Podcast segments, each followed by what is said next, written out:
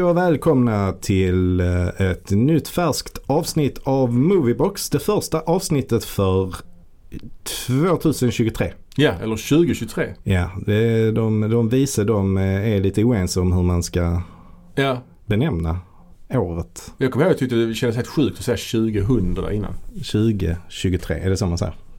Ja, 2023 kan man också säga. 2023, ja, Mina det, som jag- ja, det blir fel. Man sa år 2000 väldigt länge. Ja, sa men man. nu kan man säga år 2000. Men jag tyckte 2000 lät som 2023 är väl det. märkligt liksom. Ja, 2023. Ja.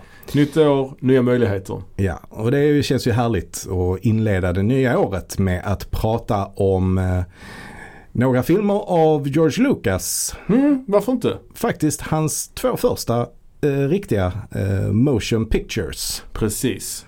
Eh, George Lucas är ju mest känd för Star Wars naturligtvis. Mm. Så det ska bli kul att lite snacka om hans eh, tidigare alster. En riktig djupdykning. Ja. Men jag tänkte bara, hur har filmåret börjat för dig, Karsten? ja, det har börjat ganska bra. Det har gått ut starkt. Mm. Alltså vi har pratat tidigare om nyårslöften och sånt. Att du skulle se en film varje dag Mm. under förra året och det gjorde du ju. Grattis. Mm. Tack, tack. Och jag jag- klarade mitt löfte där ja. Ja, Och, Och jag, ditt löfte var, vad jag minns var att du skulle se Mm. alla Tarkovskis filmer som du hade i en box. eller jag, ja, jag såg ingen. vi upprepar det en gång till. Jag såg ingen av de filmerna. Jag har sett några av de filmerna innan ju men jag såg ingen förra året. Och, eh, men däremot har jag gått ut starkt i år och sett eh, om man räknar ut snittet där så blir det faktiskt en, en film per dag Ja, hittills. Ja. I skrivande det stund. är riktigt bra. Ja. Men det jag har varit är, ledig också ska Ja. tilläggas. Det är, det är ju härligt att kunna vara lite ledig nu under Mm. den här perioden. Ja visst, ja, visst. Men eh, vårt, vi har ju ett gemensamt nyårslöfte för i år ju. Och det Ja. är att vi ska se alla Bergmans filmer som vi har i den här Bergman-boxen från Criterion. Ja och därför har vi en ny programpunkt som vi kallar för Bergmankollen. Just det. Jag tycker om när det regnar. När det regnar på sommaren. Mina spöken och demoner. Jag blir lite klaustrofobisk. Har du sett några Bergman-filmer? Jag har inte sett någon Bergman-film än. Inte jag heller. Men året är ungt så vi har tid på oss. Det var allt för Bergmankollen. Jag tycker om när det regnar. När det regnar på sommaren. Mina spöken och demoner. Jag blir lite klaustrofobisk. En annan punkt vi skulle kunna ha som en Mm. stående punkt är så Ja. här. Vad är nytt på gång som man ser fram emot? ja, Och där har jag faktiskt en, eh, en liten grej som jag tycker känns väldigt intressant. Aha, ja, kul. Alltså det är den här nya filmen Renfield som kanske har premiär i april eller någonting sånt. Har, känner du till den? Ja, det är Nic- Nicolas Cage som Dracula va? Nicolas Cage Just som det. Dracula, den verkar ju bara helt bananas tycker jag. Ja, jag har inte sett trailern, jag har bara sett stillbilder. Han ser ju rolig ut ju. Och sen är det han, Nick, ni- heter han också Nicolas? Eller heter han Nick, Eh, Niklas? Jo, Nick, Nicholas Hult, Hult, Holt. Hult Ja. som Renfield. Renfield är ju den här eh, som i Dracula väl, som åker till Draculas slott innan eh, liksom Jonathan Harker har, åker dit. Han som kommer tillbaka och är galen liksom. Ja, Som spelar, exakt. spelas av Tom Waits i Coppolas eh, Exakt ja. eh, Dracula-film. ja. Coppola kommer jag återkomma till längre fram i det här avsnittet för. Men ja, precis. Nej men det, det verkar bra tycker du? Eh, det tycker jag. mm. det, ty- det tycker jag verkligen. Eh, Mm.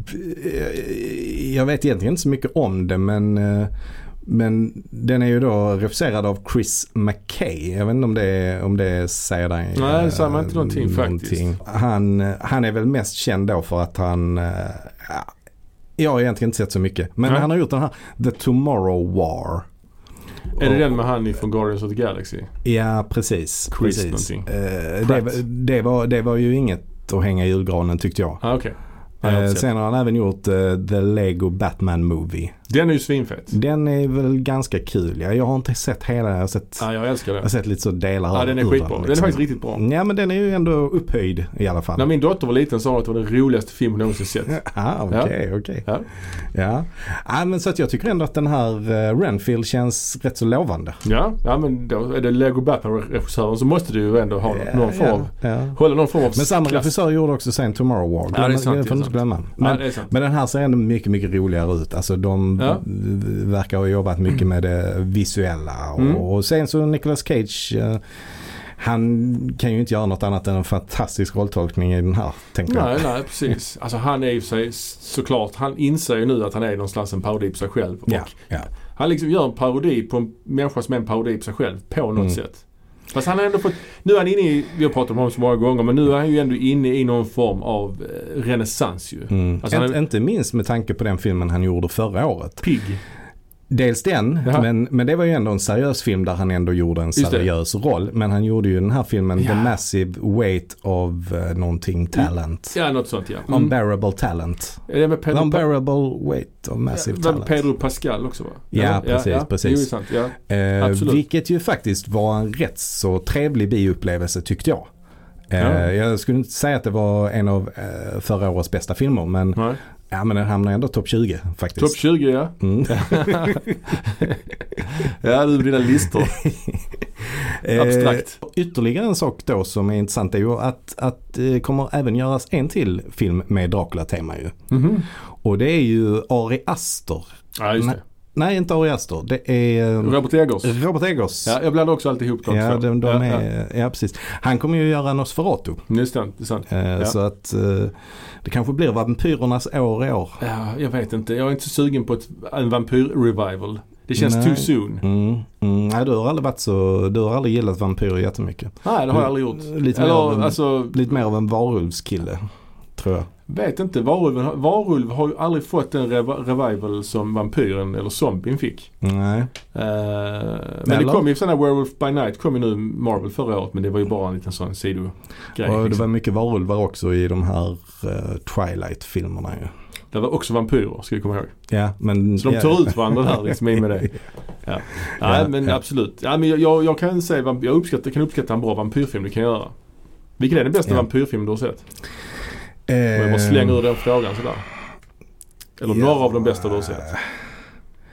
Eh, ja, alltså det, det, det, finns, alltså det finns ju ganska mycket. De, de, de här eh, klassiska med eh, Bela Lugosi är, Mm. ju, är ju trevliga liksom. Mm. Alltså, och, Ja, det är put- puttrigt liksom. Ja. Puttrigt, Ja, ja, ja. precis. Sen har vi ju då eh, Dracula. Coppolas Dracula. Ja men den är trevlig också. Som är bra på sina håll. Den är Ja. inte helt fullständigt lyckad ju. Nej, nej den är inte. Den är Det, det vet vi men, Mm, men eh, den den, är den, den har nått. Oh ja, oh ja. Ja. Ehm, och sen så har vi ju även den här Interview with the Vampire.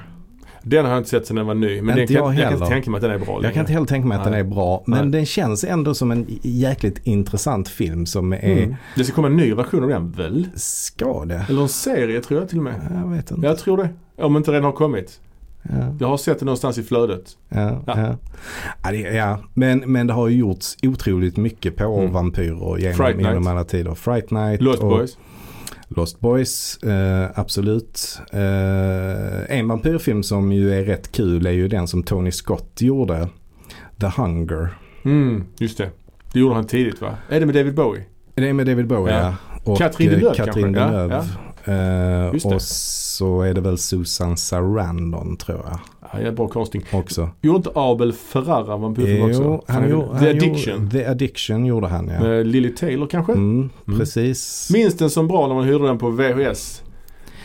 Ja, Någon alltså på jag, 90-talet. ja, Svartvit. jag, ja, precis. Jag minns inte, jag minns den bara också som att jag gillade den Mm. när jag såg den. Men eh, det är en film jag definitivt måste se om.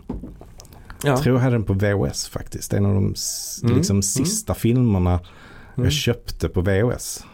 eh, faktiskt. ja. Något Så annat? att- Ja. Ja, det finns, så att det finns eh, mycket kul inom, eh, ja vampyrgenren. ja. Något annat du ser fram emot? Något annat du tänkte nämna där? ja, men jag tänkte bara säga att jag har ju sett den här nya serien på Netflix Jaha. som heter Kaleidoscope. Jag vet inte om du känner Ja, till det. ja. Har du läst om det eller? Det är en heist-serie och man kan se avsnitten i vilken ordning man vill. Ja, Det låter väldigt spännande ju. ungefär. Men jag läste också att den fick rätt dålig kritik på Rotten Tomatoes. Typ Mm. 38%. Mm, Då mm. tappade jag intresset lite. Förlåt men jag är ingen sån kritikerslav. Men ändå. Mm. Alltså när det är Mm. så lågt.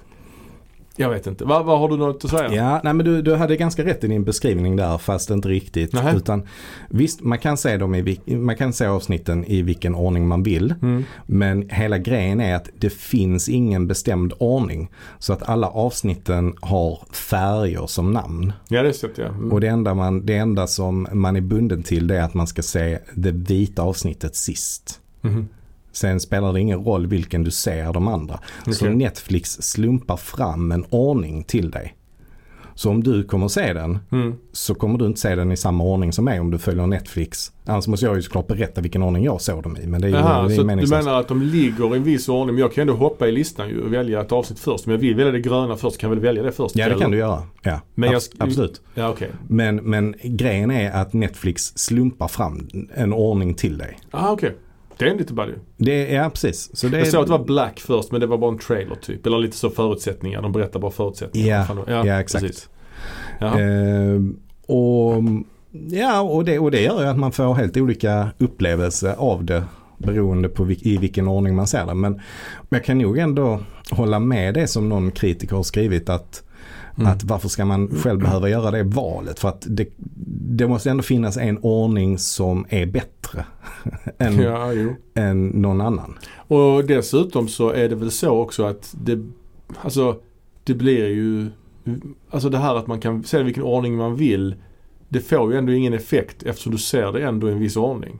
Det är Mm. inte så att du, du vet ju inte hur det är att se det i en annan ordning om du ser det i en ordning. Nej. Du pallar ju, okej du kan ju se det igen sen men det är ju inte Mm. roligt för har du redan, du vet redan hur du slutar och allt sånt ju. Mm. Mm. Så att det är ju egentligen på ett sätt meningslöst. Mm. En annan serie som jag såg, jag såg fan inte klart den, det borde jag göra men det var ju den gamla klassiska The Prisoner. Ja okej, ja ja. Eh, Mm. som, det är inte riktigt samma sak där. Nej. Men där är det ju så att det finns flera olika ordningar man kan välja att Mm. se den i. För den ordningen som den visade sig tydligen från början är inte optimal. Ja, när det gäller okej. vissa karaktärer Nej. som återkommer Nej. och sånt. Men den är mycket, mycket mer, eller det vet jag ju inte men jag antar att den är mycket mer abstrakt än vad det här är på något Mm, sätt. Så mm. att, ja, ja. Nej, den här serien är inte särskilt ab- abstrakt egentligen. Men, men eh, de olika avsnitten utspelar sig ju i, olika eh, tider kronologiskt. ja, just det. liksom. Just det. Mm. Eh, så att eh, där är ju något avsnitt som utspelar sig flera år innan den här stöten Mm. eh, äger rum. Mm. Men det avsnittet behöver man ju inte se först. Det blir ju olika. Mm, det blir som. Flashback annars. Men jag skulle nog ändå säga att det, det är det bästa. att kanske se det kronologiskt. Tycker okej. jag. Ja, ja. Alltså, det, Gjorde du det då? Nej, jag gjorde inte det. Jag Ja. såg dem i någon helt huller om buller. Du har sett allt? Jag har sett allt ja. Men, Så för mig Ja. blev det helt huller om buller. men var det bra? Jag. Jag skulle säga att eh, det var inte superdåligt liksom. Mhm. Eh, nej, alltså. Mm, nej, det var inte, det var inte jättebra. Nej. Om, eh, om, vi, om vi har en eh, 10-gradig skala Mm. så ger jag det, eh, eller rättare sagt en 5-gradig skala så ger jag Mm. det 2,5. Okej. Så på en 10-gradig 5. ja, ja. Nej men det enda som Ja, men på en 10-gradig då 40 kanske. Det enda intressanta på en 10-gradig 40. Eller 45. Aha. Ja. Lite, lite under, någonstans under medel liksom. Du menar på en 100-gradig 45? Ja, Ja. exakt. Ja, men jag bara tänker det enda som är intressant eh, är ju att man kan säga det i vilken ordning man vill. 45 på en 10-gradig Ja, det är jättekonstigt. Det är helt sjukt. Ja, eh, men just att man kan säga det i vilken ordning som helst verkar ju vara det enda som är intressant. Men när man tänker efter så är det inte så intressant eftersom Mm. det blir ju en, en ordning. Man ser det i en viss ordning då bara och Ja. Ja. ja, ja, jag säger mm. Giancarlo Esposito är, spelar huvudrollen och det är han som är känd från Breaking Bad i alla Just fall. det, När han Gus. fick sitt genombrott. Gus Fring. Just det, just det. Ja. Ja. Eh, Ja men eh, jag, jag kanske tar mig an det om jag, jag får se. Jag har Ja. så jävla mycket annat jag måste Ja. se ikapp på alla Ja, de här alltså det, tjänsterna. Det är lite så. Det är, det är, det är lite underhållning för stunden. Mm. Eh, Men, men eh, ur ett, ur, eh, är det den bästa heistfilmen jag har sett? Nej, det är det inte. Nej, Eller serien. Reservoir Dogs är bättre. Ja, Eller men det skulle jag nog inte kalla för en heistfilm egentligen. It's a heist movie without the heist. Exakt ja. Men ja. jag vet inte, heist-serie, vad finns det mer? Det finns den där Cas, vad fan hette den? Casa de Papel? Nej, vad hette det? Ja, så hette det ja. De, jag har eh, inte sett det server- faktiskt. Alltså, jag såg ett avsnitt. Jag Ja. pallar inte se det sen. Nej. Det var så pretentiös voice-over och sånt. Jag orkar Ja. inte. Jag orkar Nej. bara inte. Men det kanske är jättebra. Det blir ju en stor hit liksom. Storslam i Las Vegas är ju en klassisk heistfilm. Ja, Eller ja. Ocean's men det är ingen serie. Du sa heist-serie. Nej. Jaha, okej. Nej, men filmer också naturligtvis. Ja, ja absolut. Ocean's Eleven. Mm. Mm. Mm. Ja. Ska vi gå in på dagens huvudämne? Ja men det gör vi. Och då har vi då kommit till dagens huvudämne och det är ju då att vi ska prata om George Lucas, denna filmskapare och hans två tidigaste långfilmer som filmerna han gjorde innan Star Wars som Mm. blev stora. Stora jättelika genombrottet eller det kommer ju bli det som han blev eh, är mest förknippad med. Mm. Det är ju hans legacy att han skapade Star Wars. Det är ju det enda man förknippar honom med egentligen. Faktiskt. Ja, precis. ja, för, även om han var med och skapade Indiana Jones också. Men det tänker man Mm. inte på på samma sätt ju. Och eh, ILM kanske. Industrial Light and Magic som hans Ja. bolag eh, som han skapade heter. Ja men exakt, han har ju en massa olika divisioner. Han har ju Mm. Lucas eh, Arts också, de här Mm. som gjorde alltså, tv-spel. Monkey Island och så vidare. Mm. Men när det gäller film så är det ju Star Wars som är hans legacy. Ja det är det. Ja, det är utan tvekan. Ja. Och, eh, men vi ska kolla på hans två första filmer här idag och eh, vi börjar med den första då. Som heter THX 1138. Ja, precis. 1971 släpptes den. Ja, och eh, då är det ju faktiskt så att den, den bygger ju då på en kortfilm som han gjorde när han gick på USC. Just det. Eller hur? Ja, den heter Electronic Labyrinth THX 1138 4EB. Ja, Bra titel. exakt. Eh, så att eh, George Lucas han, han var ju då eh, filmskoleelev på Mm. den här eh, ganska nystartad skola tror jag, USC. Mm. Till skillnad då från UCLAs eh, filmskola som hade varit igång några år tidigare. Där bland annat Coppola gick som jag har förstått det. Mm. Och eh, där gjorde han då denna filmen och eh, den fick ändå, gjorde ändå lite väsen. Bland annat Spielberg har ju uttalat sig om att han, Mm. han såg den och blev väldigt begeistrad när, Ja. han, när han såg den. Ju. Kortfilmen ja. Kortfilmen på, är vi, Ja. vi är fortfarande kvar Ja, där ja. ja. precis. Jag eh, tyckte den var lite svår. Kortfilmen. Eller- Ja, den är svår. Ja. Ja, Ja, ja. Jo, absolut. Den, eh, men samtidigt, eh, ja, för att vara en kortfilm så tycker jag ändå är helt okej liksom. Den, ja, ja, eh, absolut. absolut. Kortfilmer, man hinner ju sällan berätta ett, eh, en längre historia i, i en så pass kort film. ju. Ja men absolut, så är det ju. Så är det ju. Men om vi fortsätter här på bakgrunden till, Mm. själva, lång, till själva långfilmen då. Mm. Så var det ju att han vann ett stipendium när han blev färdig med skolan där då. Eh, och då fick han eh, göra praktik hos eh, Coppola. Ja precis, Francis Eh, Ford Coppola. Ja precis. Eh, och eh, Coppola höll på med någon film som jag inte minns vilken det var, det vet du säkert. Ja, The Rain People kanske. The Rain People eller ja, någonting. jag har aldrig sett den dock, men den är Nej. en road movie liksom. Ja. Mm. Eh, så han hängde med eh, Han hängde med Coppola och de blev goda vänner Mm. efter, efter ett tag. Det är rätt kul för de är ju rätt olika som personer alltså. Är de extremt olika? Coppola är ju så excentrisk och, och liksom bara kör eh, full speed ahead medan Mm. Lucas är mycket mer så här. Ja, men han är Tekniknörd. ganska, ganska blyg också. Ja precis. Eh. Medan Coppola är lite mer bullrig och, Mm. och så. Men, men i alla fall eh, Coppola då, eh, han eh, efter att han hade gjort den filmen så var han iväg i Europa på festivaler och sånt där. Liksom. Och då var han bland annat i Danmark faktiskt och besökte ett eh, filmbolag i Danmark. Minns minns du vad det hette? Eh, det hette väl Zoetrope? Nej jag kommer inte ihåg det vad det hette. hette Lanterna. Lanterna, just det. Men han fick en sån Zoetrope av Ja. dem. En sån Lanterna Magica grej liksom. Precis. Ja. Eh, så att det är ju, ja. Zoetrope är ju en annan variant på en Ja. Laterna Magica. Precis. Eh, och eh, det som var grejen också med den här danska, det här danska bolaget var att de hade ett, jättestort, eh, en jättestor villa. Mm. Som de satt och jobbade i och det var, det var lite sådär hippie, Mm. hippieaktigt. De, de bodde där och de jobbade där och hela filmbolaget eh, fanns i den här villan då liksom. Så han hade det som, som, lite, som lite förebild när han sen kom tillbaka till USA och startade sitt bolag då American Zoetrope. Mm. Mm. Eh, och det var ju för att de ville eh, kunna göra personliga filmer utan inblandning från eh, studiosen i Hollywood. Ja, precis. Och då anslöt sig eh, Lucas till det här bolaget. Och de lyckades få loss en massa pengar. De, de hade sju projekt som de fick pengar för att göra. Ja. Och då var då THX det första av Ja. de här. Men Nej. även Apocalypse Now fanns ju med där. Ja, det var ju många framtida projekt där. Conversation också kanske. Mm. Kanske. Mm. Mm. Men att de valde att börja med den här filmen är ju lustigt ju.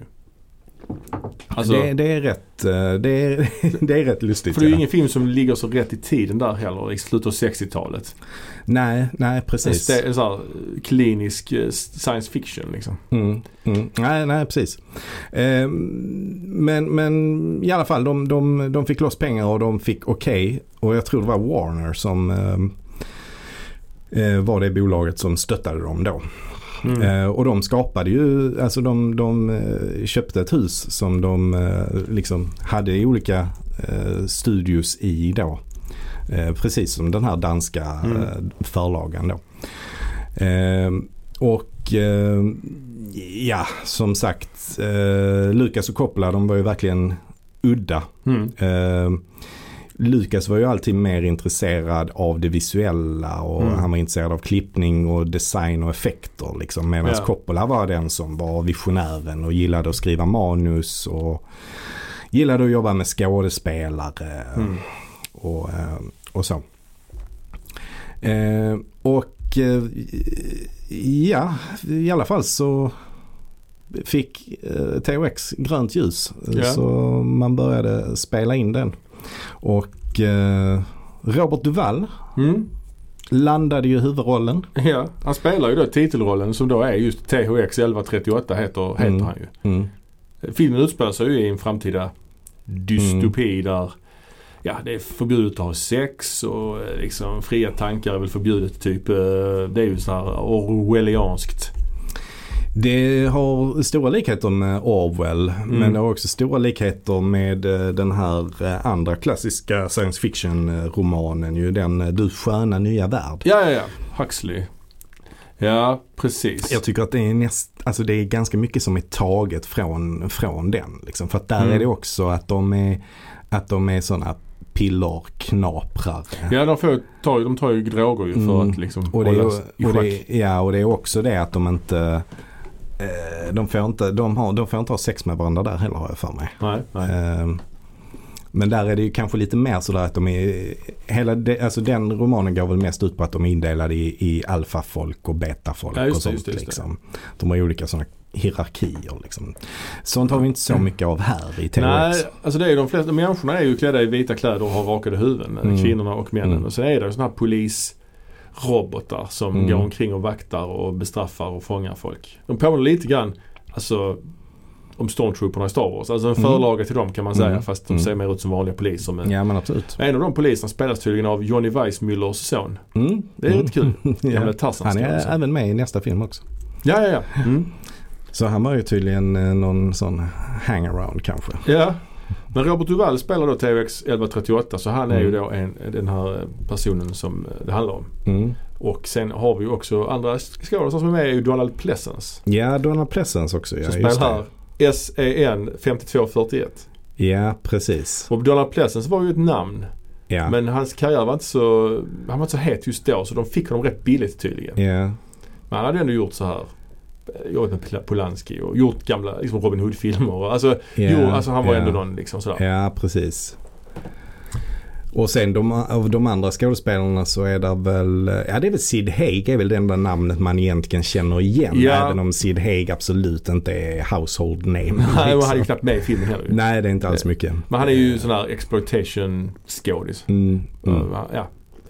Sen är det ju då Maggie McOmie som spelar då THX eh, tjej. Mm, mm, LUH mm. 3417. Ja, precis. Så att, eh, ja. Och storyn är ju då att han, eh, ja vad ska man säga det handlar om liksom? Att han, han börjar ja vad ska man säga? Ja, men han börjar liksom eh, eh, ifrågasätta sitt liv Mm, i, i, den här dystopiska världen han lever i. mm, att bara gå till jobbet och för hans, hans liv är väldigt inrutat. Han har en rumskamrat mm, som ju då är den här LUH någonting. Ja. Ehm, och, och jag, jag förstår inte riktigt hur deras liv ser ut men de är bara rumskamrater tror jag. Liksom, för de har ju Mm. inga, de har inga sexuella känslor eller något sånt. Liksom. Nej, så de är precis. bara vanliga rumskamrater. Mm. Och så i alla fall så går han till jobbet och jobbar och sen så går han då hem. Men han står, han står ju med någon slags, i någon maskin och jobbar. Lite Ja. som i Metropolis liksom. Mm, Ja.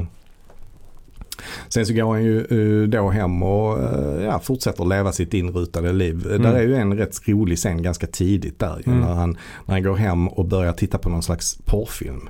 Ja, han kollar på ett hologram med en naken tjej som dansar Mm. ju. Och Mm. där eh, är, har han ju också till sin hjälp en slags, eh, någon sugpump av något slag. eller en runkmaskin Ja, skulle jag säga. precis. Som kommer ner, som då är tillagd i efterhand ju. Alltså, alltså den här filmen är ju en slags director's cut. Den versionen jag har sett i alla fall. Mm. Den du har Mm. sett också Mm. tror jag. Ja, ja, ja. Där George Lucas har varit inne igen och pillat på sin gamla film för att göra den ännu bättre. Jaha, det Precis. visste jag inte. Ja, det är precis som han gjorde med Star Wars senare också, eller tidigare faktiskt. Ja. Det här, jag tror det här är 2004 han eh, gjorde detta. Så det är ju en del effekter Mm. och sånt som är Mm. datoranimerade i den här filmen. Ja, Bland annat okej. den här runkmaskinen då som kommer Ja, ner från okej. taket när han kollar på den här eh, porrfilmen. Ja, okej. Eh, Så, att, eh, så att det här är ju, Ja, why not? Det är ett bra tillskott tycker jag. ja, det är ju mer subtilt här än vad det är i Star Wars. Ja, Alltså ja. det är ju, Greedo shoots first var ju inte så subtilt. nej exakt jag skulle precis komma till det. Alltså han besudlar ju Star Wars totalt ju. Mm. Vad är Mm. det? Ja, Greedo shooting first är väl kanske det mest uppenbara. Ja. Eller uppenbara men det är mest omtalade av de här ändringarna han gjorde. Mm. Han, har gjort, han gjorde ju mer. Han la in en massa muppar överallt ju. Massa sådana här roliga gubbar i bakgrunden och Ja, alltså jag, jag kommer egentligen ihåg det och sen så när eh, eh, dödsstjärnan sprängs. Ja, ligger på lite mer effekter där ja. Alltså i, i originalet ser det så, det tyckte jag ända sedan jag var liten att det såg så fult ut. Ja, ja där Alltså- är det, ju, det, det är där ju en förbättring skulle jag säga. ja, ja. Men sen är det ju andra grejer. Till exempel i slutet på Return of the Jedi. När Mm. de firar med Walkerna. Mm. För det första där så är det ju en annan låt och alltså mycket Mm. sämre. Mm. Sen tittar ju Luke ut så kommer ju Obi-Wan och eh, Yoda fram som sådana spöken. Och Anakin. Och Anakin. Ja. Och i den nya versionen är det ju unga Anakin. Det är han Hayden Christensen. Ja, I den gamla så är det ju han gubben. Ja, okej. Vilket också är, alltså det är märkligt. Ja, Det är ju då, ja. dåligt ändå ju. Men Ja. det är så konstigt. Varför är han ung helt plötsligt? Varför är inte de unga i så fall? Alltså det, ja. ja, ja. det var mycket där. Boba Fett Mm. är med mycket mer och Mm. Mm. Ja, det är massa grejer. Mm. Vi ska inte prata om Star Nej, Wars för det är ju det tråkigaste man kan prata om. Ja, det kanske det är. Men ja. han besudlade, här är det mer återhållsamt. Men här Mm. är ju en del datoranimerade inslag. Bland annat i Mm. slutet är det några så här konstiga goblins ju som är helt datoranimerade ju. I den Ja. här filmen. Ja. Eh, men det är också när han står och jobbar där. Där ser man också att det är mer modernt. Mm. Den här, de här Mm. armarna han styr och så vidare. Mm. Men i alla fall, det är ju rätt roligt sen när han sitter där och kollar ju. Mm. Och en intressant grej där, men jag tycker ändå det är en ganska bra så framtidsspaning. Mm. Nu vet jag inte om de hologrammen var med i originalet eller om de är eh, gjorda till den här Directors Cutten. Jag liksom. tror det var något liknande i originalet. Mm. Jag minns Mm. inte riktigt. eh, Nej men de, de är rätt så intressanta. Alltså den här, den här porrfilmen då som man kollar på. Det är ju då en eh, svart kvinna som, Mm. som dansar naken. Mm. Och så bara dansar. Ja. Väldigt så repetitivt. Ja, porr är väl inte ord Nej, egentligen. det är Men det någon, inte. ja, någon form av erotik i alla fall. Erotik ja, är det ju. Ja. Eh, Men just det här med det repetitiva. Och sen Mm. så tycker jag också det är superintressant att när han då är färdig med detta. Mm. Eh, Och så tar han på, sätter han på något nytt klipp. ja, då är det en kille istället. Då är det en kille istället som Ja. bara står med en, alltså det är en sån polis ju. Men som står med en sån batong och slår på en liggande. Just det, just det. Ja. Ja. Helt, han, Samma sak, också helt så repetitivt. Ja, det är det, är exakt bara samma, samma sak. Han står och bara slår på en liggande man Ja, ja, med en ja. batong.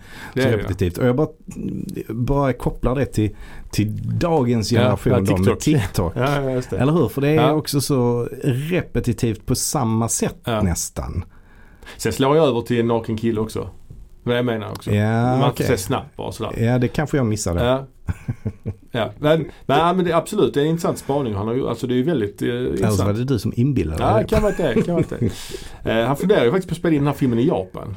Just, ja, att jag tror det var de här futuristiska miljöerna i Japan han var ute Mm. efter. Men Mm. han fick ju till det rätt så bra ändå här tycker jag. Mm, mm. Mycket så betong och Ja, det tycker jag. alltså det är Ja, men det tycker jag absolut.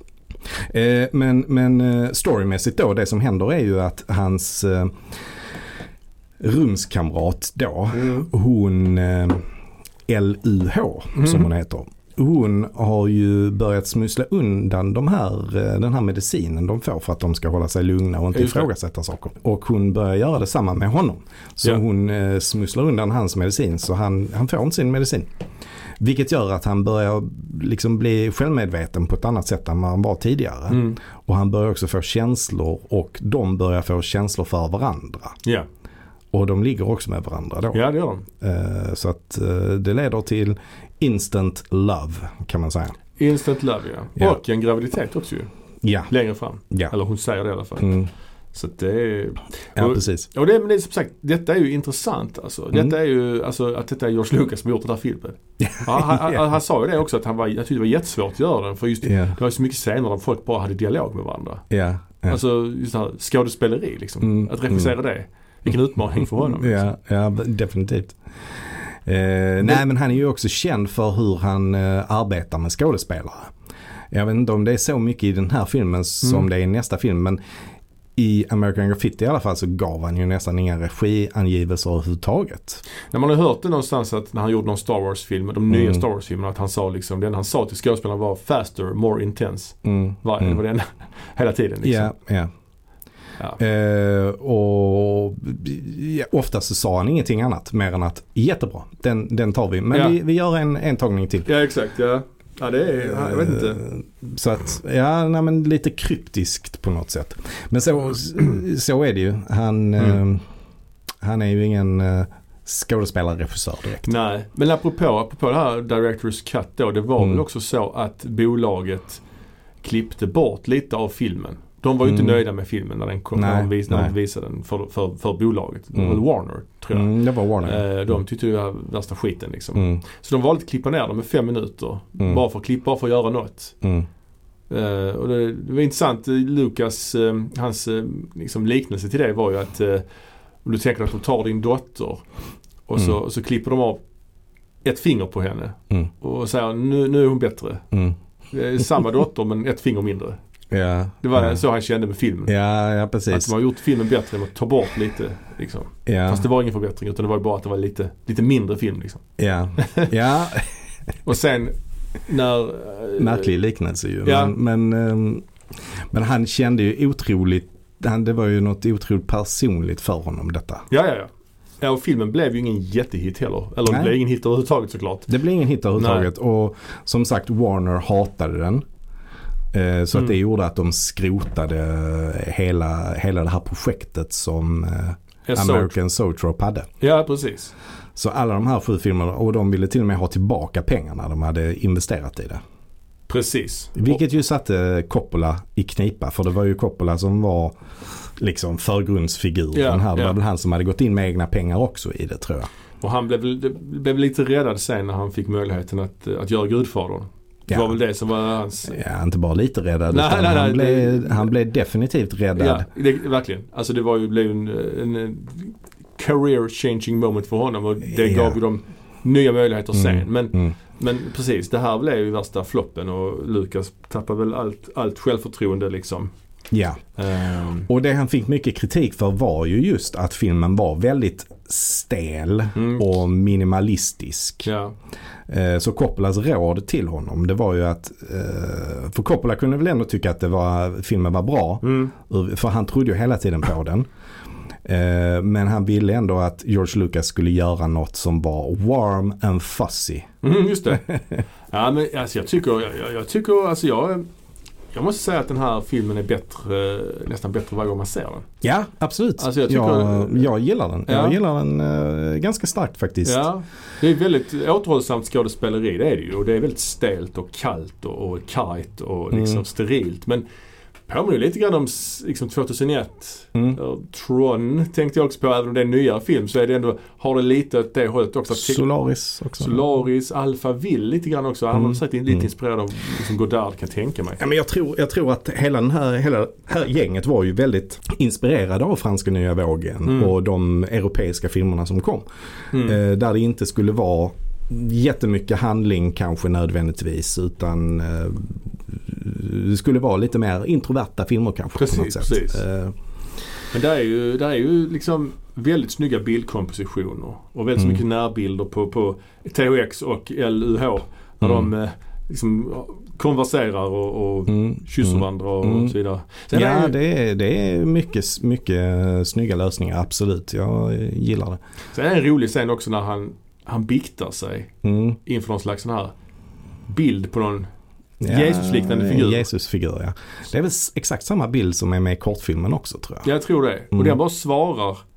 Det- Man, det är så intressant för det är, man, det är så uppenbart att den har färdiginspelade svar till, Mm. till det han säger. Mm, mm. Och att det är så här, verkligen ignorerar honom typ och bara, bara pratar, bara säger Mm. sådana standardsvar som inte Mm. alls hjälper någonting. Det är rätt kul. Mm. Och sen li- lite senare i filmen så kommer jag in i den här tv-studion där de ju spelar in den här, eh, Mm. den här Jesusfiguren liksom. Mm. Det är rätt kul. Mm. Eh, ja, nej men sen så hamnar han ju i finkan också.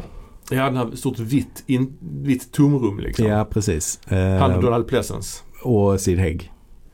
Ja, De är ett helt gäng där. ja det är rätt många. Mm. Rätt många, lite så gökboet där. över. Ja, det är det. Ja, det fast före gökboet. Ja, Pre precis. gökboet. Ja, pre. Ja. Ja, men det, den, den, det är kanske en av mina favoritscener ändå Mm, när han är i, inne i finkan. Alltså hela Donald Pleasence roll går ju också, det, han är rätt creepy också. ja, det är. För han vill ju ha en ny uh, roomie. Ja, Så han går fram till THX och säger Du, eh, har skulle du, jag tror vi skulle passa rätt bra ihop. Jag är Ja. inte intresserad av det att vi eh, kanske ska dela rum. ja just det. Ja, det är jättekonstigt. Jättekonstigt är det. Ja, precis. Ehm, ja, sen, sen är det ju, sen blir det ju i och för sig lite mer actionorienterat i slutet. Det Ja, blir det ju blir någon slags Mm. biljakt som, Mm. som är rätt Mm. spektakulär alltså. Mm. Mm. Det är någon, någon sekvens där han, han startar en de startar bilen och kör rätt långsamt men bara rakt in i en pelare. Mm. För det första, det ser helt sjukt ut. Mm. För det är ju så en tagning. Mm. Väldigt så här spektakulärt som man verkligen reagerar på. Och sen är det ju en biljakt i en tunnel där de här poliserna följer efter till motorcyklar. En polis kraschar rätt illa alltså. Mm. Och det var ju på riktigt. Det är ju ett riktigt stunt där ju. Ja. De trodde Ja. han skulle dö, han den killen som Mm. flyger fram där över motorcykeln. Men han överlevde ju, klarade sig Mm. utan skador. Det kanske var Johnny Weissmuller Jr. Var det Kanske. ja, Jag har ingen aning. Han spelar ju en av poliserna ju. Jag vet inte om han hade de eh, skillsen men, Nej, men de har ju med det i filmen. För att Ja. hade han dött hade de nog inte haft med det. Men det, är Nej, så, nej, precis. eh, det var ju tur att han klarade sig så bra. Ja. Ja det är, det är riktigt, eh, riktigt bra alltså. Ja. Och eh, särskilt där då i, eh, i den biljaktscenen så är det ju eh, coola ljudeffekter också. Mm. Och ljudet är ju kanske något man också kan nämna lite där att det är ju Ja. Walter Murch, Precis. den här legendariska ljuddesignern och eh, filmklipparen. Ja, som, eh, som har designat ljudet. Och där Mm. var det också eh, intressant att de, för det, det som var standard i science fiction filmer Mm. det var ju att man hade så här olika elektronisk klingande ljud. Så det kunde Ja. vara liksom om man tryckte på en knapp så lät det pip pop pop pop. Exakt. Alltså, ja. så. så att de ville ju hela tiden göra motsatsen. Så de ville bara ha så, så att säga organiska ljud som möjligt som Mm. inte lät så. eh, Mm. Så att alla ljud har ju Walter Murch skapat själv genom att gå omkring och slå på olika Mm. jag vet eh, något ljud har han skapat genom att han liksom hittade en lampskärm i eh, någon tunn plåt inne Mm. hos i George Lucas kontor och Mm. Slog på den med någon liten penna och sen så använde han det ljudet och förvrängde det ljudet på olika sätt. Jag tror han själv är med, alltså det är många radioröster som pratar ju när de Mm. jagar han Mm. THX. Jag tror Walter Murch själv är med där, jag tycker jag känner igen hans röst Mm. faktiskt. Sen är en del av de här radiorösterna som låter jävligt likt eh, de i Star Wars faktiskt. Mm. När de ska Mm. spränga dödsstjärnan där i slutet på Mm. första filmen. De här när de kommunicerar. Låter nog, skulle nog säga att det är exakt samma effekter de lagt på rösterna faktiskt. Ja, ja. Så det är kul. Sen är det ju något med, bara en sån kuriosa grej, någonting med en sån wookie är där ju också i THX ju. Jaha. Ja men jag minns inte nu vad det var så Nej, dåligt, dåligt. Men, men äh, är det så kanske att där är någon, jo det är någon röst där man knappt hör vad Mm. det är. Liksom, det är någon sån radioröst, alltså Ja, på det en sån stämmer ja. komradio. Ja, och så ja. säger "Blablabla, the Wookie, säger de. Jaha. Och, ja, så att det, det är liksom första gången eh, vi får höra talas om en Wookie. Det är ju såklart inte en. Wookie från Star Wars man Nej, syftar nej. på för han var ju inte skapad än. Nej. Men, eh, men, eh, men så var det i Ja. alla fall. ja, det är, något. Sen är det ju också kompositören då som har gjort musiken. Mm. Lalo Schifrin. Det är Ja. väl han som har gjort Mission Impossible musiken också har jag för mig. Eller? Ja. Ja. ja. ja, och han har väl också gjort en del till Di Palma. Alltså, Mm. han har, eh, tror jag. Ja det kan det vara. Nej, jag blandar ihop honom med Pino Dianaggio. Ja, just det. Ja. Ja. Eh, men, men där var det ju också Walter Murch som gjorde ett eh, provisoriskt soundtrack kan man säga. Ja. Eller Provisoriskt score. Mhm. Och, och det gjorde han genom att han liksom tog klassiska verk då och tog delar av dem Mm. Och liksom förvrängde dem och spelade dem baklänges. Mm. Och lite så, så la de på det som ett provisoriskt. Och sen så gick de till Lalo Schifrin och, Mm. och sa, ja men ungefär så här vill vi att det ska låta. Mm. Men då tyckte Lalo att det var så bra. så Mhm. han, han bara liksom använde det som noter kan man säga Mm. och gjorde ny musik ut efter det. Mm. Kan man säga. Så att mycket bygger på klassiska verk som är spelade baklänges egentligen. Och Mm. förvrängda på olika sätt. Alltså förlängda eller Mm. uppsnabbade. Ja, det är ju väldigt, väldigt stämningsfullt i alla fall. Mm. Både förtexterna är ju, känns ju väldigt så här, sätter stämningen direkt liksom. Mm. Mm. Och sen i slutet är det också någon slags klimax där när han flyr ut ifrån den här världen. Liksom. Ja, precis. Från den här kalla världen och kommer ut i, i sol, Mm. solen där liksom. Mm. Ja det, det Och då får vi också reda på att de befinner sig under jorden. För det vet Ja. vi inte. Nej just det, just det. Ja och så Robert Duvall, huvud, huvudpersonen där, Mm. som sen då kommer att vara med i Gudfadern och Apocalypse Now till exempel. Ja, precis. Ehm, Och mycket annat också. Ja, oh ja, han är aktiv än idag. Än idag ja. Ja. Mm. Ehm, ja men vad tyckte vi om det här då? THX 1138. Vi, relation, min relation till den här filmen är ganska, liksom, jag har inte sett den när jag var yngre utan jag har sett den väl ett par gånger i hyfsat vuxen ålder bara faktiskt. Ja, men jag, jag, jag såg den eh, när jag var yngre. Mm. En gång kanske. Ja, kanske jag också Och det var gjorde väl mest för att Alltså grejen med THX var ju att eh, när vi var unga och Mm. så, här, så, så kom det ju ett helt nytt ljudsystem som Mm. hette THX Sound System eller Ja. någonting Ja, sånt. det är en byggnorm. på som biograferna. Ja, Ja. det är en byggnorm. Ja, Man precis. designar sin eh, salong för att ljudet ska bli så bra som möjligt. Liksom. Ja. Ja. Ehm, så att det, det var ju alltid in, alltså på de biograferna som hade den här byggnormen. Ja. Ja. där kom det ju alltid en sån logga. Och den här klassiska signaturen. Mm.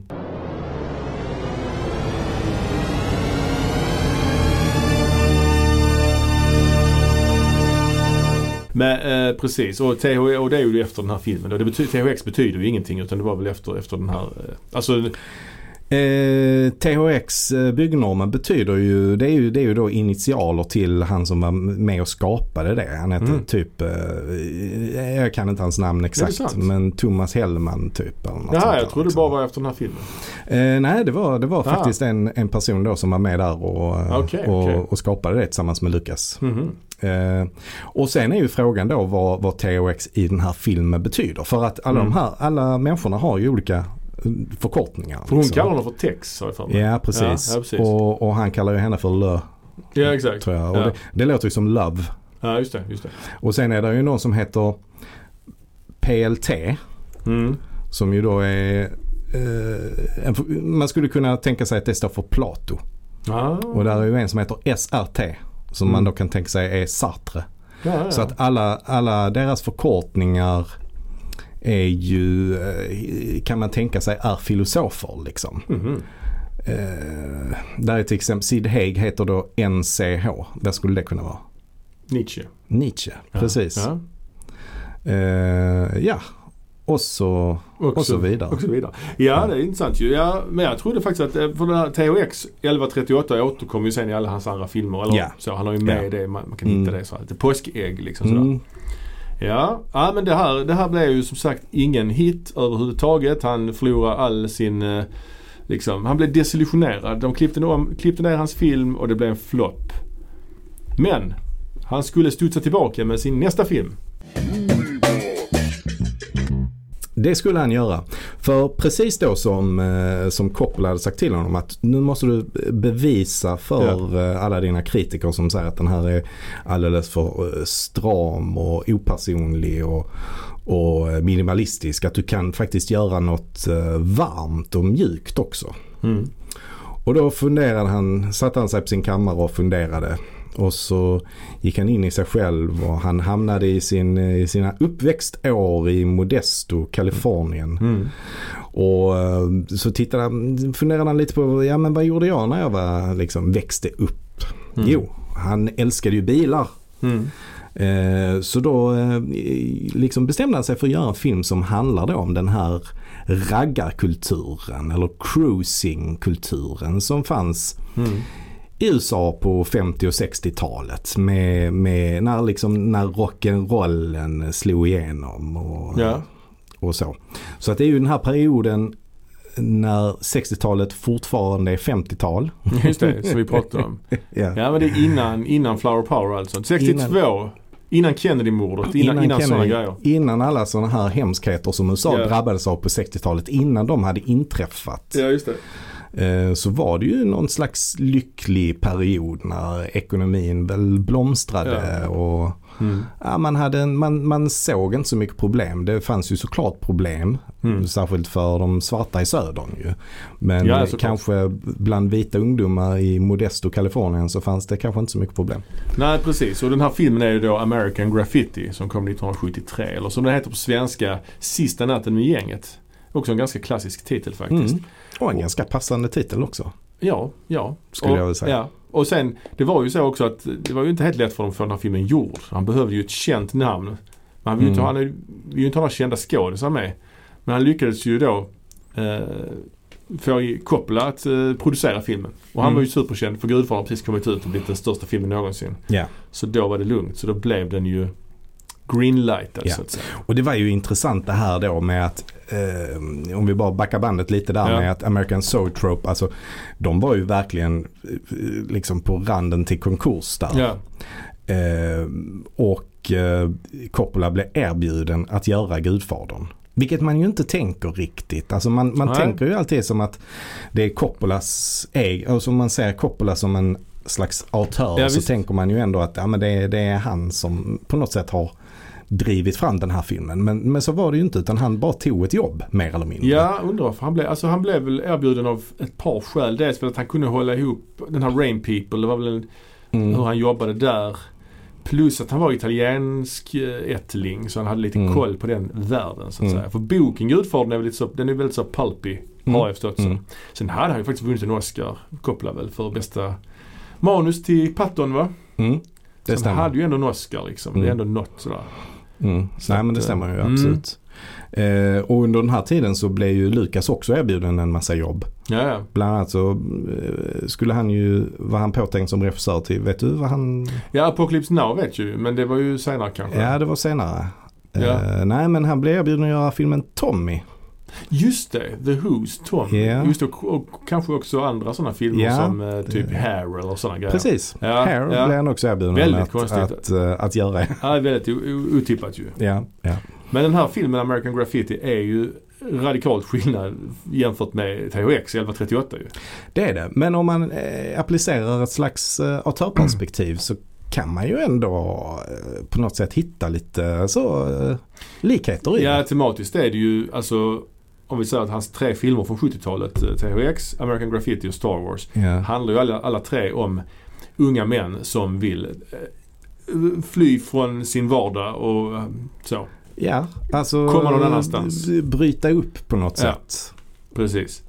Att, ja, inte fly är kanske inte helt rätt. Nej, men komma, alltså, komma vidare i livet. Ja, exakt. Mm, Exakt. ja. Eh, och rent visuellt så kan jag ju också tycka att American Graffiti är väldigt sammanhållen i det visuella. Oh, ja.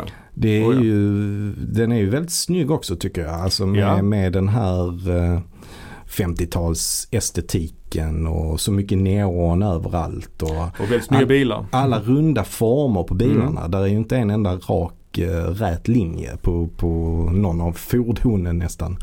Nej men Eh, precis. Ska vi gå igenom vad den handlar om kanske? Ja, men det kan vi göra. den? Det, det är ju det är lite speciellt för det är lite så tre parallella stories kan man nästan säga väl.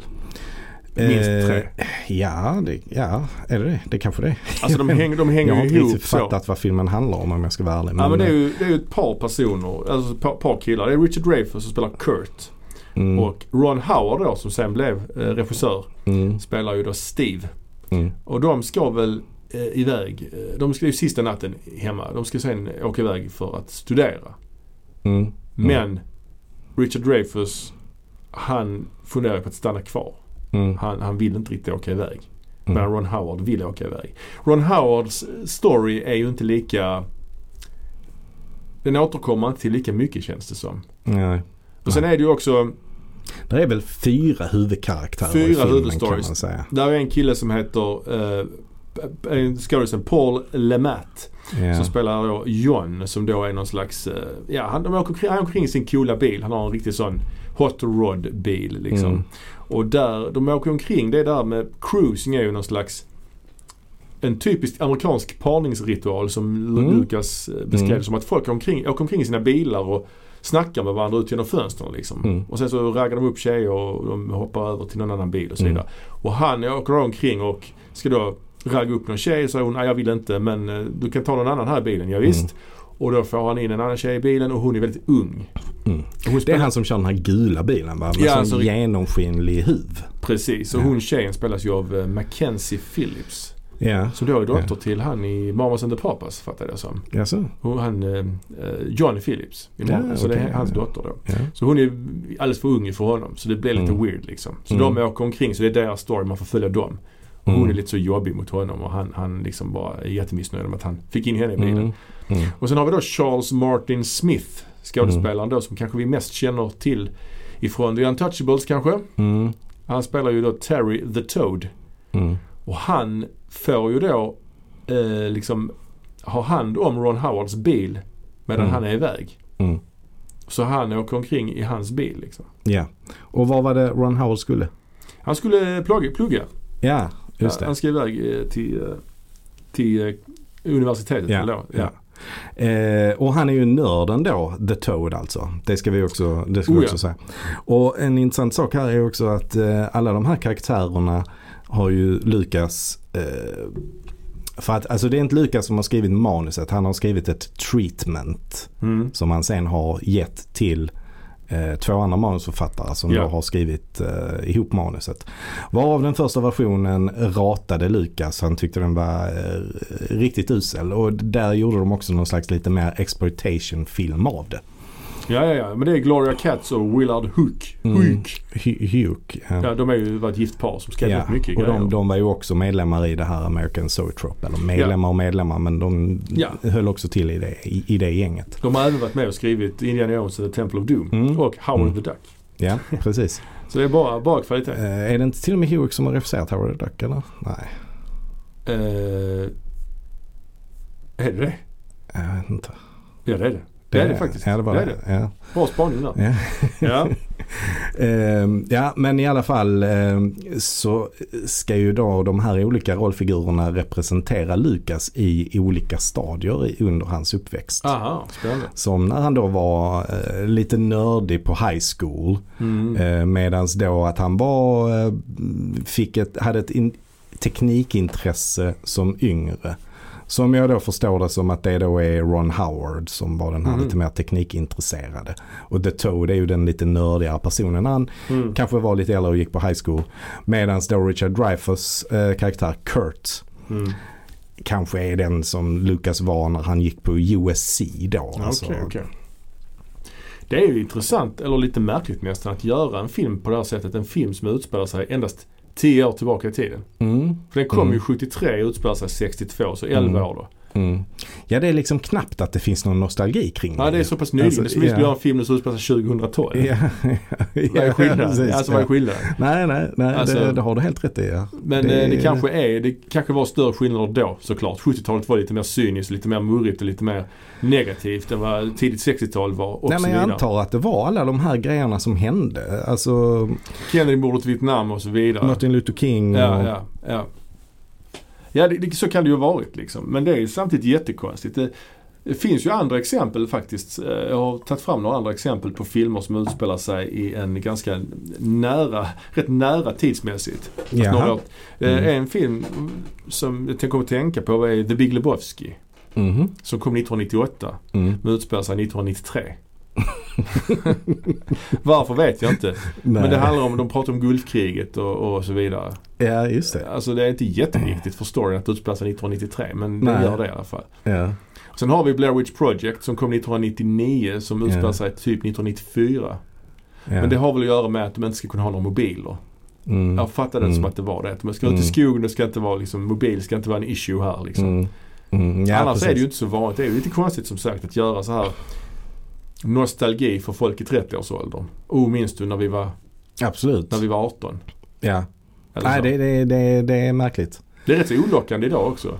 Jag skulle aldrig gå och se en film som utspelar sig, alltså, när folk var tonåringar 2012. Nej. Förstår du vad jag menar? Mm. Alltså jag skulle inte gå, oh, kommer ni ihåg de grejerna? Alltså det är bara, det alienerar rätt så många Mm. tänker jag. Mm. Det, så det, ja, det, det är konstigt men eh, ja, så är det. Ja, ja, ja, ja nej, jag, jag kan faktiskt, alltså det är en intressant spaning tycker jag men Ja. jag kan själv inte komma på något annat exempel. Däremot finns det ju vissa filmer som kanske utspelar sig i framtiden men inom en väldigt snar framtid. Mm. Jag kan inte komma Ja. på något jättebra exempel Men då är det ju science fiction. Ja, nej, men det finns ju så här Strange Days och så vidare. Ja, Strange Days. Ja. Ja. När den utspelar sig. 99 och kom väl kanske 95. Ja, Typ så. ja precis. Eh, men ja, det, så finns det ju. Mm. Det är ju klassisk sci-fi att några år in i framtiden. Liksom. Men, men det här är, det här är lite, lite konstigt alltså. Mm. Mm. Och, eh, men det, det är ju väldigt eh, Det är väldigt snyggt. Sen är det ju en annan grej som jag tycker är lite lustigt också som gör att man också får lite så blir lite konfunderad kanske om man tänker efter. Mm. Det är ju att de flesta av skådespelarna är rätt gamla.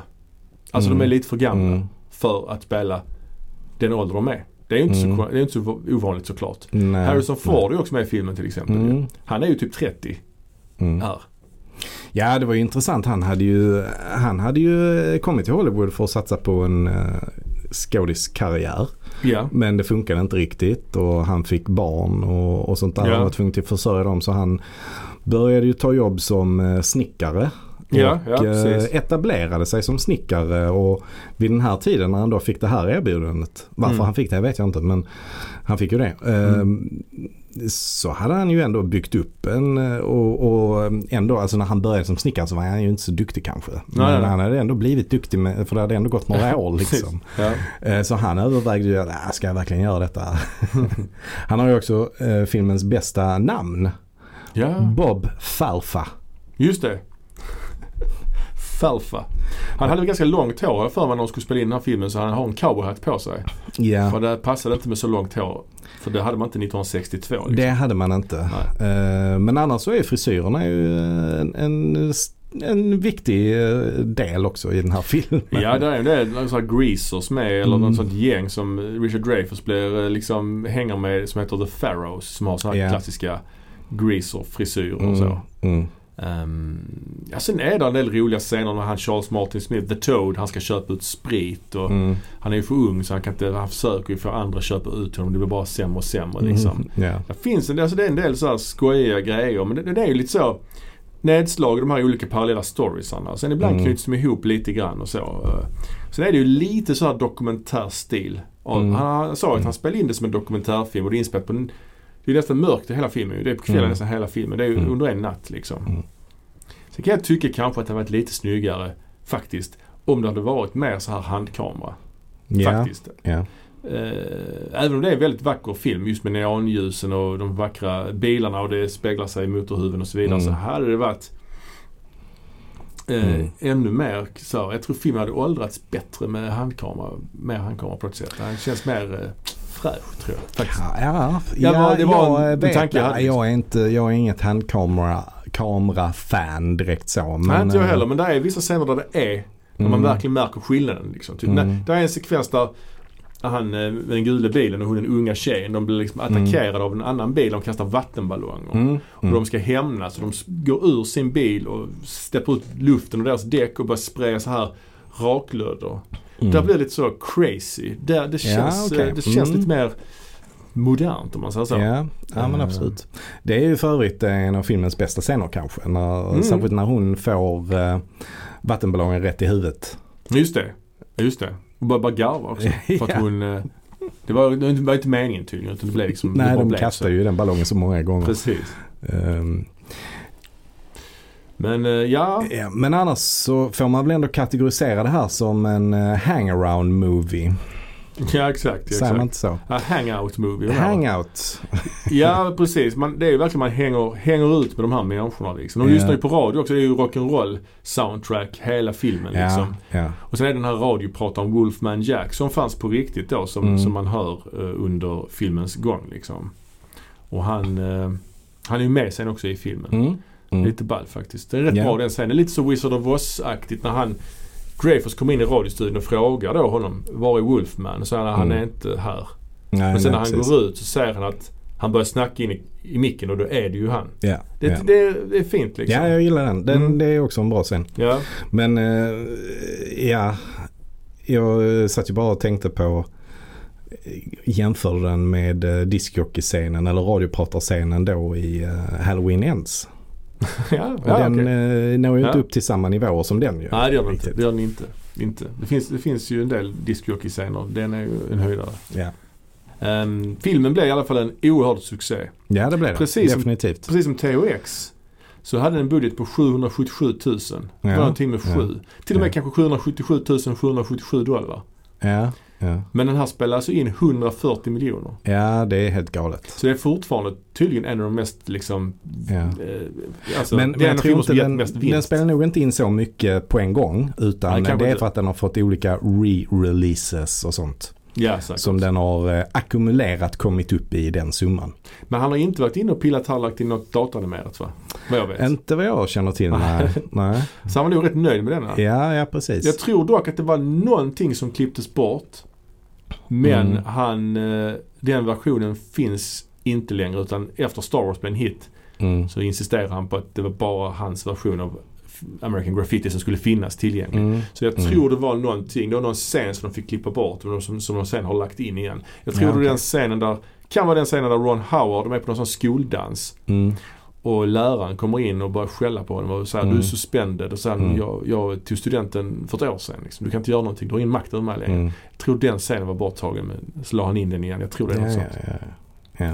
Ehm, men eh, ja, en av de mest framgångsrika filmerna någonsin sett till vad den kostade och vad den Mm. spelade in. Mm. Och den har väl blivit invald i eh, någon, någon sån här, vad ska man säga, alltså så samling av viktiga, kulturellt viktiga Ja, filmer. Den var Library of Congress, ja precis. Ja, ja. Den fick sju Oscarsnomineringar tror jag också. Mm. Men den, eh, den vann inga faktiskt. Nej. Så en av de, nej endast ja, fem nomineringar men vann inga. En, Mm. av de, en av de filmer som fått flest nomineringar, bästa film Mm. plus några till utan att vinna något. något Ja, liksom. okej. Ehm, Det kommer en uppföljare också faktiskt, More Mm. American Graffiti. Har du sett den? Nej jag har inte det. Nej, inte jag heller. Jag tror inte det. Den heter något, Festen är över eller något sånt heter den på svenska tror jag. Ja, sånt. Mm. Ehm, men, Kom ju rätt många år senare. ja, typ 79. Mm. Ehm, ja, vad ska vi säga om filmen som så? Det slutar ju också filmen med att att man får se sån text vad som hände med de här olika karaktärerna. Ja, precis. Någon sån här vad som hände sen. Ja. Och är det ju att Och det, det känns lite plumpt. tycker jag också. Mm. Tycker jag också. Och han Charles Martin Smiths karaktär Mm. var ju så missing in action i Mm. Vietnam. Ja, Men han är med i precis. tvåan också så jag fattar inte riktigt hur det är. Jaha, Ja, jag, Okej. tror det, jag tror det i alla fall. Så att det är ett då konstigt. måste tvåan utspela sig alltså eh, innan han har åkt till Vietnam ja, ja, kanske, kanske. Eh, ja, och eh, Kurt Henderson, alltså Richard Dreyfuss karaktär. Han uh, står där att han flyttade till Kanada och försörjer sig som författare. Ja, bara så. Tråkigt. Liksom. Ja, tråkigt. Men det, men det är ju, det var väl det som Lukas hade, alltså det var väl så han såg som eh, hans egen resa då. ja, Så. Richard Dreyfuss, precis som i, i, i THX-filmen eh, så är det ju då i den här filmen Richard Dreyfuss som tar sig därifrån. Till sist ja. Mm, Till sist. Precis. Ja. Ja, nej jag, jag, jag är inte så glad i den em, scenen där, eller den Nej, inslaget med nej. texten som hände sen. Sen själva, själva slutscenen är ju en, ett uh, sån chicken race. Mm, precis. mellan eh, Harrison Ford och eh, då eh, Paul LeMat. Exakt ja. Där då Harrison Ford eh, krockar riktigt eh, ordentligt Mm. och slår en riktig vurpa. Precis. Ja. ja eh, som sagt en radikalt annorlunda film än hans första. Ja. Vad, vad tycker du om den här då, American Graffiti? Ehm, ja, alltså jag, jag tycker väl, alltså jag har svårt att rikt- alltså jag kan liksom inte identifiera mig med någon av karaktärerna. Nej, jag håller med. De är inte så Eh, sympatiska heller någon av karaktärerna. nej, det är de inte. De är inte så putslustiga och Ja, det är en svår tid också liksom. Det, alltså det är ingenting man relaterar till som sagt. nej, nej. Och, och jag är heller inget fan av eh, så här 50s, 60s americana. Nej. Alltså den här typen av bil, bilar är ju inget intresse, specialintresse jag har. Liksom. Nej. Men jag kan uppskatta att de ser fina ut bilarna. Absolut, de är snygga. Ja. Jag, ty- jag tycker det, det, det, det som filmen ger mig mest är Ja. ju det, det visuella tycker jag. Mm. Eh, för, för musiken är heller inget jag uppskattar. Alltså så här rock'n'roll. Alltså det är inte... Nej, det är inget som... Jag kan, jag kan gilla Elvis men jag är, gillar ju 70-tals Elvis mer än, ja, än, än liksom eh, 50-tals Elvis. Eh, ja, jag håller med. Den är lite tråkig filmen helt enkelt. Kan man säga. Ja, ja. det- Karaktärerna är osympatiska, ointressanta. Ja.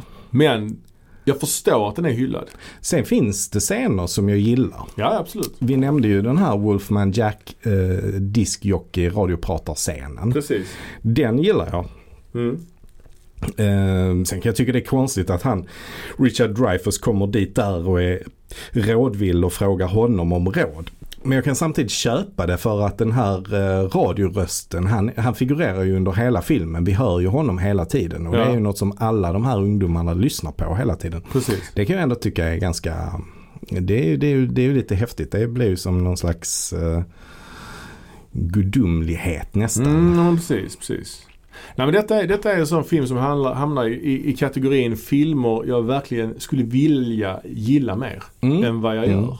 Mm. Det är någonting som är någon slags disconnect. Mm. Mm. Karaktärerna i att man inte kan relatera till det. Ja, jag blir precis. inte engagerad liksom. Nej, jag blir inte engagerad heller.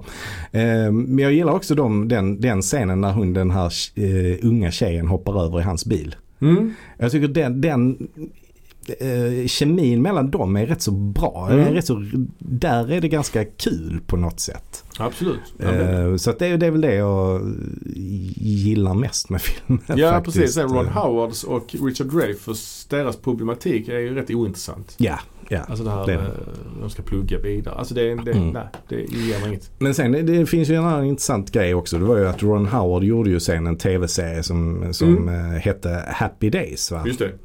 Gänget och jag då. Gänget och jag. Antagligen efter att den här hette Sista natt med gänget så blev det Gänget och jag. Kan jag ja, tänka mig. ja, precis. Och eh, det roliga var ju att eh, piloten till den var ju redan inspelad Mhm. när Lucas gjorde denna. Så Lucas såg ju den piloten och Ja, efter okej. det castade han Ron Howard. Ja, ja, ja. Och den här piloten var ju lagd i malpåse. Ah, okej. Men efter att American Graffiti blev en eh, succé så tog de upp den här serien igen Ja, ja, ja. och eh, gav den grönt ljus. Så att eh, det är ju tack vare American Graffiti som, som den här Happy Days blev, blev gjord och det blev en otroligt framgångsrik serie Ja, också. ja. Och det, det är intressant ju att de har, de har liksom gett varandra, att de Ja. har de två Alltså Ja, ja. Happy Days och American Graffiti Mm. hjälpt varandra så att Mm, säga. För Happy mm. Days den började ju senast 74 och ända Mm. fram till 84 alltså. 10 år. Oj, tio år. Ja, och den utspelar sig ju också liksom på, eh, på eh, 50-talet då. Mm. Eh, Mm. intressant faktiskt. Mm.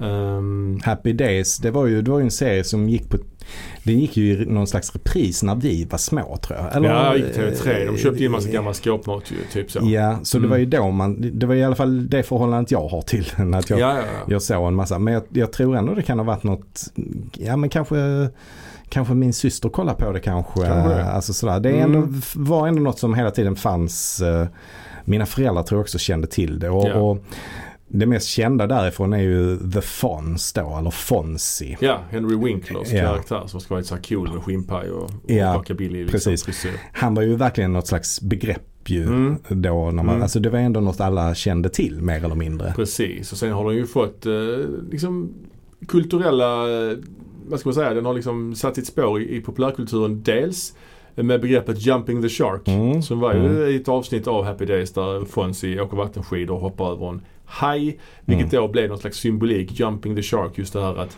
när en tv-serie börjar bli ointressant så försöker man göra något spektakulärt. Mm. Och det i resultatet av det spektakulära gör att man ytterligare märker hur irrelevant serien har blivit. Liksom. Ja.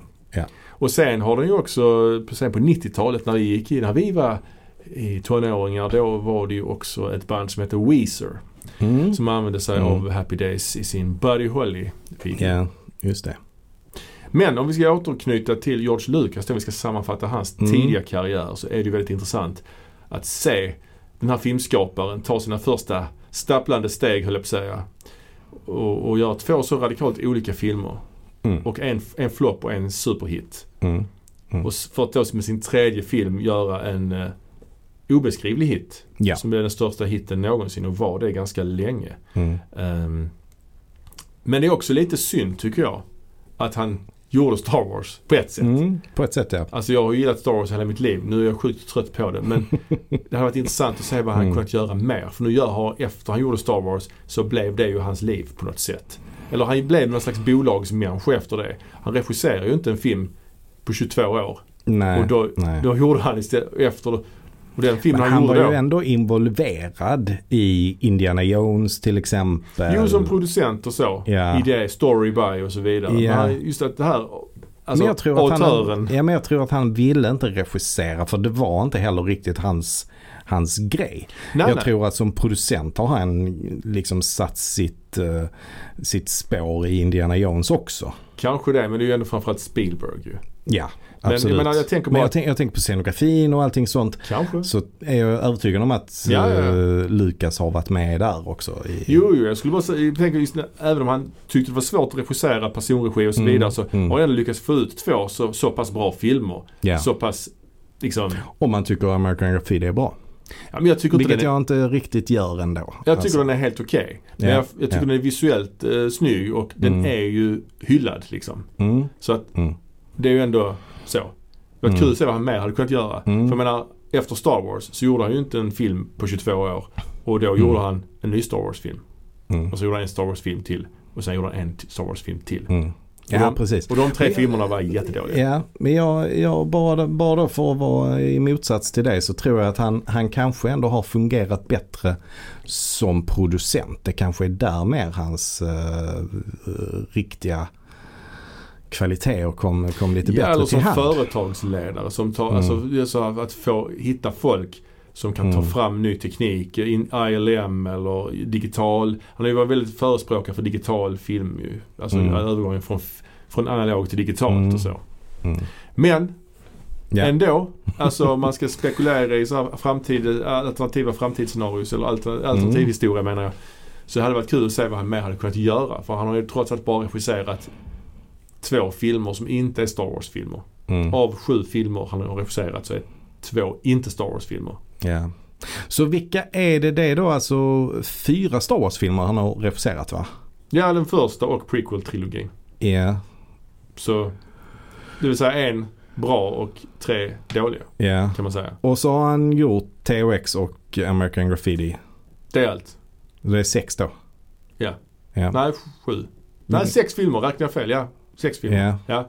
Precis. Och eh, det är ju intressant om man ser på, nu ska vi inte fastna i det, men om man tar till exempel Phantom Menace då som var hans första, Mm. första film på väldigt Mm. länge som regissör så är den ju väldigt märkligt eh, strukturerad ju. Det är ju ingen huvudperson till exempel. Och, och den är ju jättekonstigt dramaturgiskt alltså. Mm. Det är mycket som ska hinnas med där i slutet. I, i filmens klimax där han klipper mellan flera parallella stories. Det är Mm. en, en dör och sen när precis när han har dött så klipper man till något sånt när han lilla ungen när han kör uh, rymdskepp och Mm. det ska vara skojigt. Och sen klipper man till någonting annat när han har Jar Jar när han ska skoja till. Det, ska, man ska, det är så mycket känslor på så kort tid. Alltså det är verkligen så här krävande. Kan du inte hamna Jar Jar en gång? Visa! Oh, nej, nej, nej, Ja, rätt bra. Ja, var det ja, ja. Kort men... eh, Det var nog inte ens Jar Jar. Det var han den andra, han Tjocke. Vad han? ja, Skitsamma. det. Ja. Ja. ehm, Hur många gånger såg du den på bio, den uh, Phantom Menace? Jag vet inte men det är Alltså inte det ryktas om att du såg den 22 gånger på bio. en gång för varje år som Lukas inte hade gjort en film. Nej, det var inte så många gånger faktiskt. Nej, men typ fem kanske. Nej, det var inte så många gånger heller. Men jag tror faktiskt två eller tre kanske. Ja, det var minst. Det, Ja, det, ja det men det var ju intressant för det blev ett sånt fenomen ju. The Phantom Mm. Menace, vad hette det? Phantom Ja, det Menace vet jag syndromet eller något sånt. Ja, att man tyckte den var bra. Eller man trodde att den var Ja, bra. det var så att man var så... man man blev hypnotiserad liksom. Ja men på något sätt att man Mm. hade sett fram emot Star Wars så länge. Så när man såg den så det kunde inte vara dåligt. Det, måste, det här måste ju vara bra. Är det bara jag som inte riktigt är med på Ja. det här är bra? Ja det var det, ja. Ja det är intressant. Kejsarens nya kläder kanske det hette. Kejsare, no pun intended. ja, exakt. Eh, men jag tycker någon gång faktiskt att vi borde göra ett avsnitt på de här prequel-filmerna. Även om jag, du vet, Ja. jag, jag, jag gillar ju inte att prata om Star Wars men Nej. om man verkligen ska verkligen prata om filmerna bara sådär. Mm. Det hade varit intressant faktiskt. Ja, definitivt. Det, är, För de är ju Det- supermärkliga det, alltså. kan, det kanske är en helt egen podd. Ja exakt, exakt. Ja, det, det, det, de, är, de är verkligen supermärkliga de filmerna. Ja. Jag har sett Ja, den rätt många gånger. Jag har sett den jättemånga gånger för att när jag fick min DVD-spelare typ Ja. för över 20 år sedan Mm. så fick jag den eh, Phantom Menace också till alltså, julafton där liksom. Ja, Så okej. jag har sett den. Det var ju jättemycket extra material också. Mm. Så jag har ju sett Mm. den rätt mycket. Mm. Eh, så att ja, det finns mycket att diskutera. Alltså det är en sån film som är svår att undvika på något sätt. Så jag har ju också sett den en jäkla massa gånger. Mm. Även om jag nog bara såg den en gång på bio tror jag. Så har jag ju ändå sett om den Mm. vid olika tillfällen. Mm. Alltså jag har aldrig tyckt den var riktigt bra. Kanske första gången jag såg den på bio så var jag nog också med där i den här hypnosen. Att jag, att jag på något sätt Ja. trodde den var bra. Fast jag ändå någonstans kände att äh, den, den var inte så bra. Den. Tvåan däremot är ju ett riktigt haveri. Den Ja. där, vad fan heter den ens? Attack of the Clones. Ja. Det är ju ett riktigt, och sen den tredje filmen är ju, det är den som alla säger, man läser, ofta att ja den är bra. Den Mm. tredje, den är Mm. riktigt bra. Mm. För där är också en hypnos för Men där, menar du att tvåan är, är, är sämre än vad Phantom Menace är? Oh ja, oh ja. Absolut. Ja, ja, ja det vet Phantom jag inte om jag håller med mycket- om riktigt. Det här som vi egentligen pratar om i en annan podd kanske, Ja, men Phantom Menace ja. får rätt mycket skit för att Jar Jar är med ju. Ja, ja. Men i övrigt så, Och precis som i American Graffiti Mm. så är ju Jar Jar en eh, del av, av Lukas personlighet. mhm. Nej, jag skojar bara. Nej men det är den får mest skit för det. Men om Ja. man kollar på den Attack of the Clones så är den helt tosigt värdelös alltså. ja, fast alltså det finns ju mycket som är dåligt i Phantom Menace ju. Det är Det inte finns, bara ännu det. mer, men det finns ännu mer som är dåligt i Attack Ja of the Clones. fast eh, det finns ju några saker som jag ändå tyckte var lite balla i. Alltså, för den såg jag faktiskt om för inte, inte Oj. hundra år sedan. Varför det? Eh, I don't know. Nej, du inte jag förklara. kan inte, Ja, jag kan inte nej. ge något Ja. vettigt svar på Ja. det. Eh, det var kanske något, nej jag vet fan varför. Men, Ja. men i alla fall. Jo det var nog eh, inför Obi-Wan-serien. Aha. Jag vet inte varför, för det har in- ingenting med Obi-Wan-serien att göra. Men jag, Inte mycket där. eller? Nej. Ja, Obi-Wan är ju med i båda. Jo, så är det ja. Jo, men jag kommer inte riktigt ihåg hur, vad som... Ja, för Obi-Wan utspelar sig väl direkt efter, alltså, eh, Trean. trean ja. Jag vet inte. Så därför Nej det gör jag... ju inte. Det kan du inte göra för Leia är ju, är ju större. Skitsamma. Skitsamma Ja. verkligen. Ja. Vad, vad, vad, ja, vad Men var det du skulle Leia- säga? Ja men några år efter trean utspelar Ja, det gör sig. det ju. Men precis. inte direkt Nej efter. inte direkt. Ja, ja. Nej. Ja. Ja men det var väl bara därför. Så Okej. började jag, tänkte jag, ja men då, för Phantom Menace har jag ändå lite koll på. Mm. Tvåan och trean kommer jag inte riktigt ihåg så bra. Nej. Så då tänkte jag skulle se om tvåan och trean. Ja. För att färska upp minnet lite. Vad var det som hände med eh, Obi-Wan där eh, i Mm. de filmerna? Men jag kom bara till att jag såg om tvåan. Jag pallar inte se om trean. Liksom. Men i alla fall. Det, där är ändå lite actionscener i början som ändå är habila skulle jag säga. Alltså när, när de är på den här planeten och det är någon slags jakt och det är någon sån lönnmördare där ju som ska, så- som ska döda hon Amidala eller vad hon heter. Det är ju så sjukt dåligt. Alltså det är så sjukt dåligt. Okej. Ja men det är bättre än när, när han, eh, Anakin, eh, kör något sånt race i eh, typ en halvtimme. Nej det är det faktiskt inte. Jo Där- alltså där är- den, den race, alltså Där är de mest grejen meningslösa. med den skådespelaren som Mm. spelar den unge Anakin i, i ja, första ja, gud, filmen. ja, ja, ja. Han är ju något av det sämsta. Och Ja, ja, och inte bara... Hayden Christensen är inte heller särskilt bra. Nej. Men han är ändå mycket, mycket bättre än den här lille pojken. Liksom. Det är inte för att svårt- taskig det mot den svårt pojken så. Men, men jag tycker bara han det, är, det är så mycket som jag bara, saker och ting vrids om i min kropp. Ja, ja men vi när får jag prata mer om det här när sen. ser Jag vill bara, varför innan vi... vi, vi, vi Så där är det i alla fall. Och sen är det ju också det att, att Obi-Wan är någon slags sån detektiv och åker runt till så avlägsna planeter Ja, och sånt. Och det är, nej jag det är säger inte jätteväl utvecklat det. Nej men det är ändå bättre än det som är Phantom Ja, Menace. det är, vi får prata om det en annan gång. Jag vill bara säga det. Jag vill bara komma inflika där i den här jakten i början. Den Mm. föranleds ju av att, att hon ska bli mördad, eh, Amidala, av någon sån här Mm. assassin. Mm. Det är så sjukt att Boba Fetts pappa är ju med, han Jango Fett. Mm. Han ger den här lönnmördaren en sån här burk med såna här giftiga larver. Mm. Sen går hon typ fem steg och lägger dem i en robot som flyger iväg och lägger de larverna i hennes rum. Varför är den här kvinnan med? Varför, varför tar inte Boba Fett-pappan och lägger larverna i den här rymdskeppet? Nej, han Eller kanske ingen, han är kanske inte hans eh, robot. Ja men det är så dumt ju. Alltså det är så jävla, bara det är så dumt. Skitsamma. Sen den tredje filmen är det många som tycker att den, den, är, den, den är bra. Den är faktiskt Ja, bra för där får man ja. egentligen se hur, hur han blev Darth Vader. Mm. Men det är ju Mm. kanske filmhistoriens största liksom antiklimax. ja det är så dåligt. Ja. No! Ja det är så jävla Ja. dåligt. Ah, ja, jag, jag, eh, av de tre filmerna så föredrar jag Phantom Menace bäst. Men det är mest Ja. kanske för Darth Maul är med eh, i den. Och han dör ju i och för sig som en jävla noob men han är ju den enda coola karaktären. Exakt. Ja. Nja, ja, nja. nu blev det så. Vi får prata. Ska, vi, ska, vi, ska det vara ett löfte att vi någon gång under året ska ta ett Star Wars prequel avsnitt? Ja det gör vi. Det gör vi under det här. under, Eller, eller ska vi kanske bara kolla, finns det något intresse för det? Det gör det säkert. Star Wars Ja, är alltid populärt alltså- i stugorna. Vi får helt enkelt uh, rådfråga er lyssnare. Är, är, det en, är, det, är det ett värt ett avsnitt? Hör av er. Skriv till oss på Facebook och så vidare. Ja. Ja, ja. Detta har varit ett avsnitt om George Lucas och hans tidiga Ja. filmer. Kan rekommendera THX, American Graffiti, Kuriosa kanske. Annars Mm. inte sådär, ingen jätterekommendation från vår sida. Ehm, ja, ni har hört Moviebox. Nästa gång så kommer vi prata om någonting helt annat. Det gör vi. Något rafflande blir det i alla Mm. fall. Så ha det bra så länge.